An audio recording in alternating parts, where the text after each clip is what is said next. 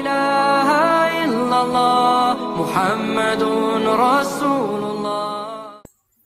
Assalamualaikum warahmatullahi wabarakatuh. Alhamdulillah Alhamdulillahilladzi arsala rasulahu bilhuda wa dinil haq liyudhirahu ala dini kulli walau karihal kafirun walau karihal musyrikun. Asyhadu an la ilaha illallah wahdahu la syarikalah wa asyhadu anna Muhammadan abduhu wa rasuluh. Allahumma shalli ala Muhammad wa ala alihi wa sahbihi wa man tabi'ahum bi ihsan ila yaumil qiyamah amma ba'du. Bapak-bapak, ibu-ibu, Eh, pemirsa tayangan Ramadan di kampus. Alhamdulillah kita telah berada di bulan suci Ramadan. Bulan yang penuh barokah, bulan yang penuh hikmah, bulan yang padanya Al-Quran pertama kali diturunkan. Allah SWT berfirman dalam Al-Quran, A'udzubillahi rajim Syahrul Ramadan alladzi unzila fihi al-Qur'an hudal linnas wa bayyinatin minal huda wal furqan ila akhir ayat.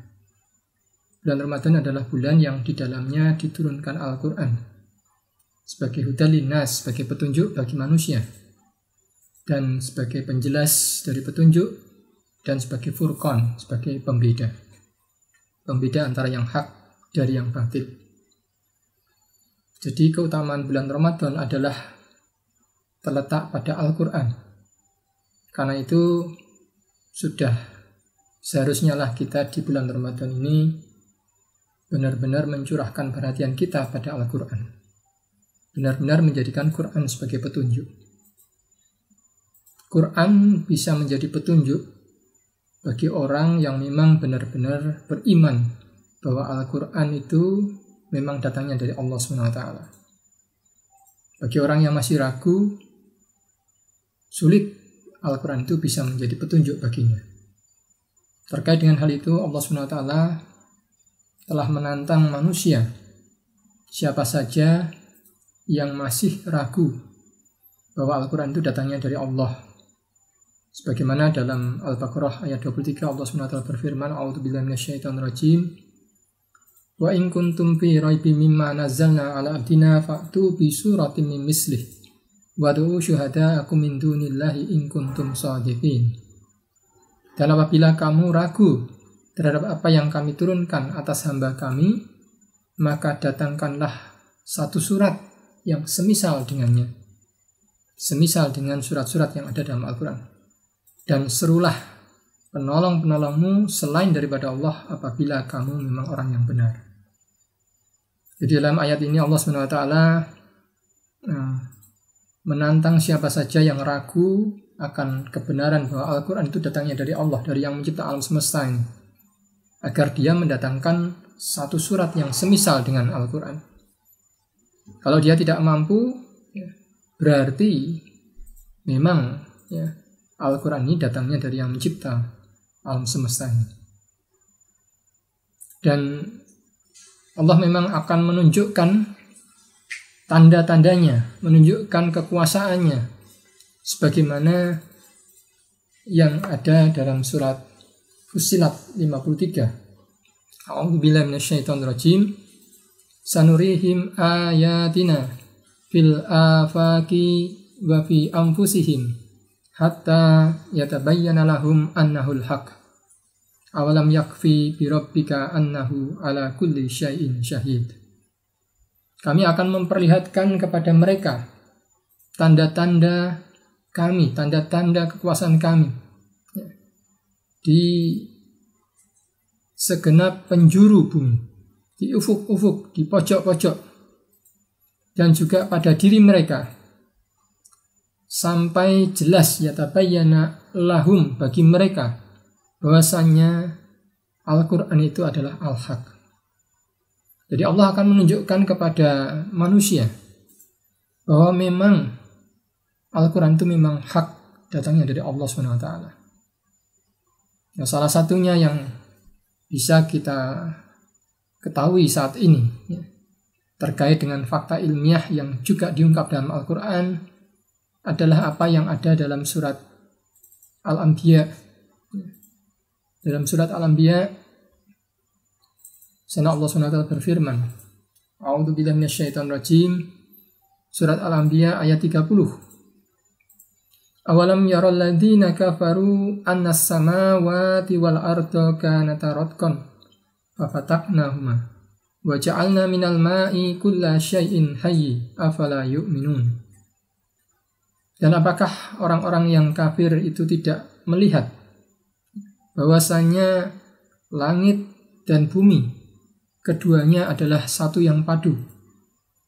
Dan kami pisahkan kemudian antara keduanya. Dan kami jadikan dari air setiap yang hidup apakah mereka tidak beriman? Pada ayat ini ada beberapa keunikan yang pertama di bagian awal ayat ini Allah menggunakan awalam yaral ladzina kafaru tidak menggunakan misalnya awalam yaron nas. Apakah manusia tidak melihat? Ataupun awalam yaron ladina amanu. Apakah orang-orang yang beriman itu tidak melihat? Dan seterusnya. Ya. Tapi Allah menggunakan awalam yaron ladina kafaru. Ya. Ayat ini semacam menanyakan kepada orang-orang yang tidak beriman, orang-orang kafir, Apakah mereka tidak melihat apa yang dinyatakan dalam ayat ini? Yaitu bahwasanya asama wati wal art bahwa langit dan bumi itu karena tarotkon dua-duanya adalah satu yang padu dahulunya. Dan kita tahu bahwa yang dimaksud dengan langit dan bumi ini berarti seluruh alam semesta. Ya. Karena tentunya Allah tidak akan menceritakan tentang galaksi maupun planet-planet yang di masa lalu manusia belum mengetahuinya. Ya.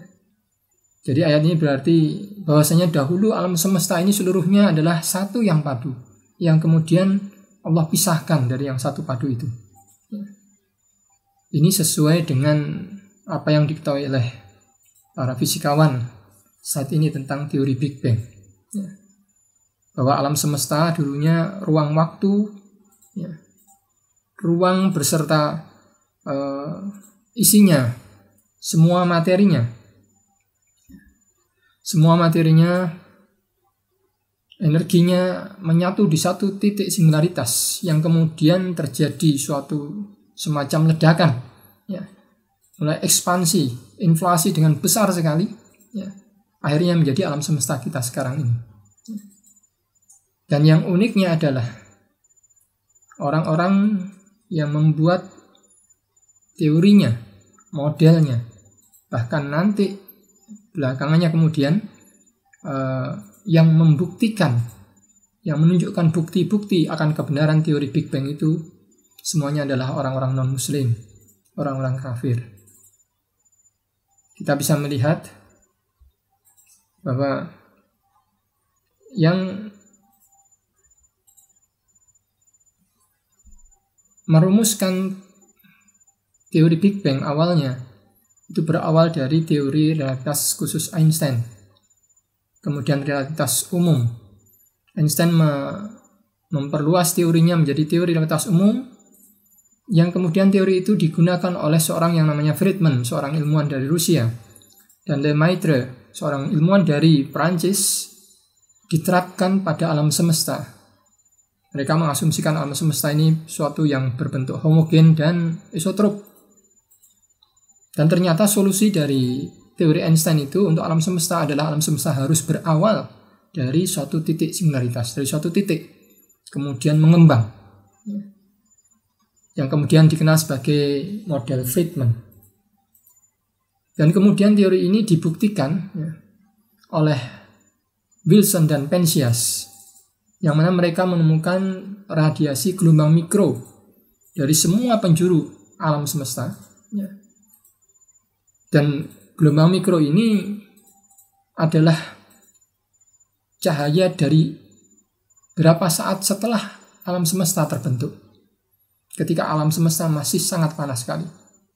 Karena ekspansi alam semesta, cahaya yang awalnya cahaya tampak ini kemudian bergeser panjang gelombangnya menjadi panjang gelombang mikro. Dan semua orang-orang ini adalah orang-orang yang tidak beriman, non-muslim semua. Jadi ini sesuai dengan awal dari ayat tadi. Bahkan manusia pun sekarang bisa melihat dalam tanda petik ya, cahaya dari awal alam semesta itu. Sehingga cocok dengan apa yang disebutkan dalam ayat tadi. Dalam alam biak 30 tadi. Awalam yaro. Melihat, beneran melihat. Walaupun yang dilihat bukan lagi cahaya tampak. Tapi awalnya itu adalah cahaya tampak. Kemudian bergeser panjang gelombang yang menjadi panjang gelombang mikro. Seperti yang tampil di sini adalah uh, ilustrasi uh, setelah diubah uh, supaya bisa dalam bentuk warna dari cosmic microwave background radiation atau radiasi latar belakang gelombang mikro dari kosmik dari alam semesta. Subhanallah. Jadi tidak mungkin apa yang ada dalam ayat tadi itu diketahui oleh orang-orang di masa Rasulullah SAW.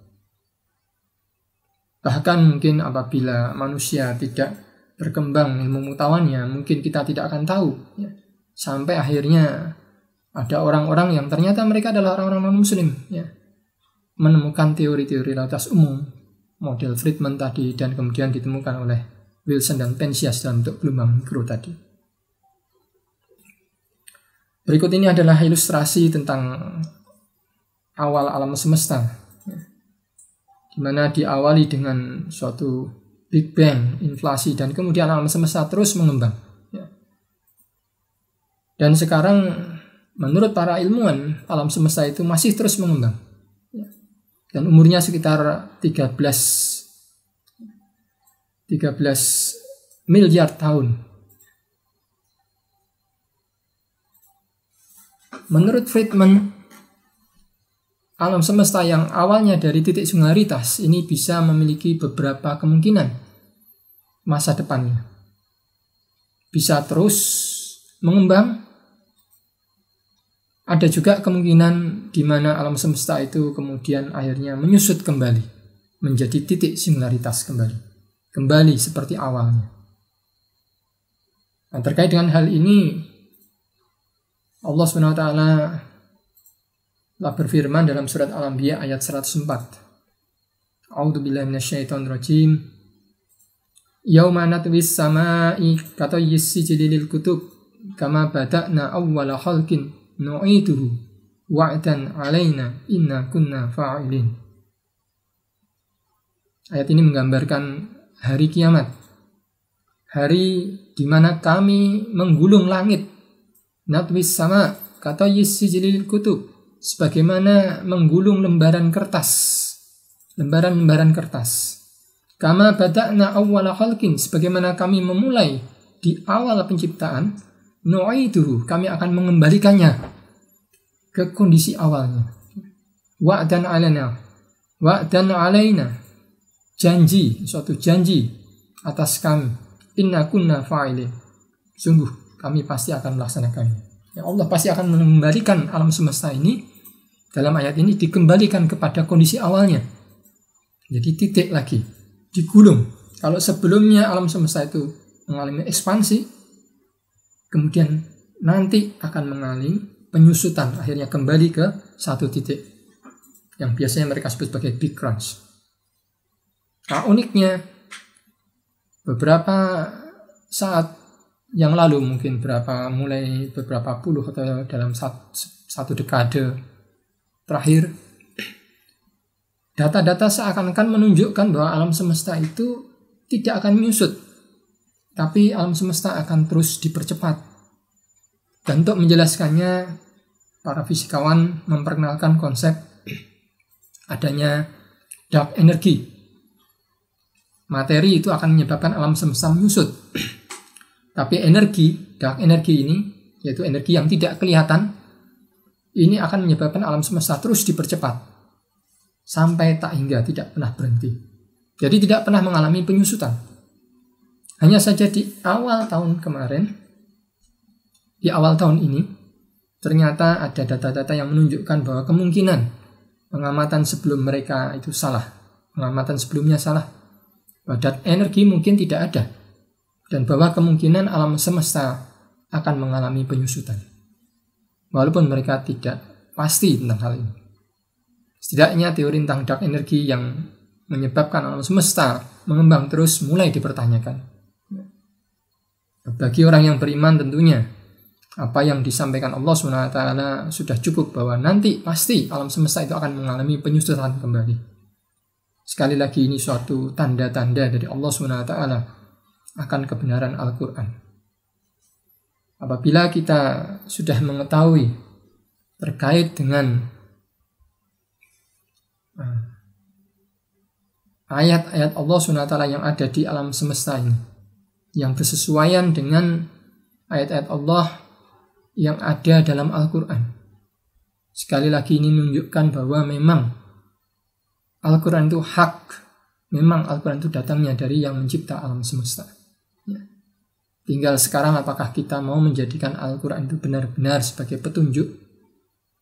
Di hadapan kita, kita umat Islam punya Al-Quran. Suatu kitab dari yang mencipta alam semesta. Yang mengetahui hal-hal yang dari awal alam semesta sampai mengetahui tentang diri kita, mengetahui apa pun yang ada di alam semesta ini. Tidak ada satupun yang tersembunyi. Dan itu juga dinyatakan dalam Al-Quran. Karena itu tinggal apakah kita mau mengambil petunjuk dari Allah Sang Maha Pencipta ini, ataukah malah kita berpaling dari Maka mari pada kesempatan bulan Ramadan ini, bulan Al-Quran, kita benar-benar menjadikan Al-Quran sebagai petunjuk bagi kehidupan kita, bagi semua aspek kehidupan kita. Supaya kita menjadi orang-orang yang bertakwa dan kemudian mendapat ridhonya Allah SWT. Saya rasa dari saya demikian. Wassalamualaikum warahmatullahi wabarakatuh. الله محمد رسول الله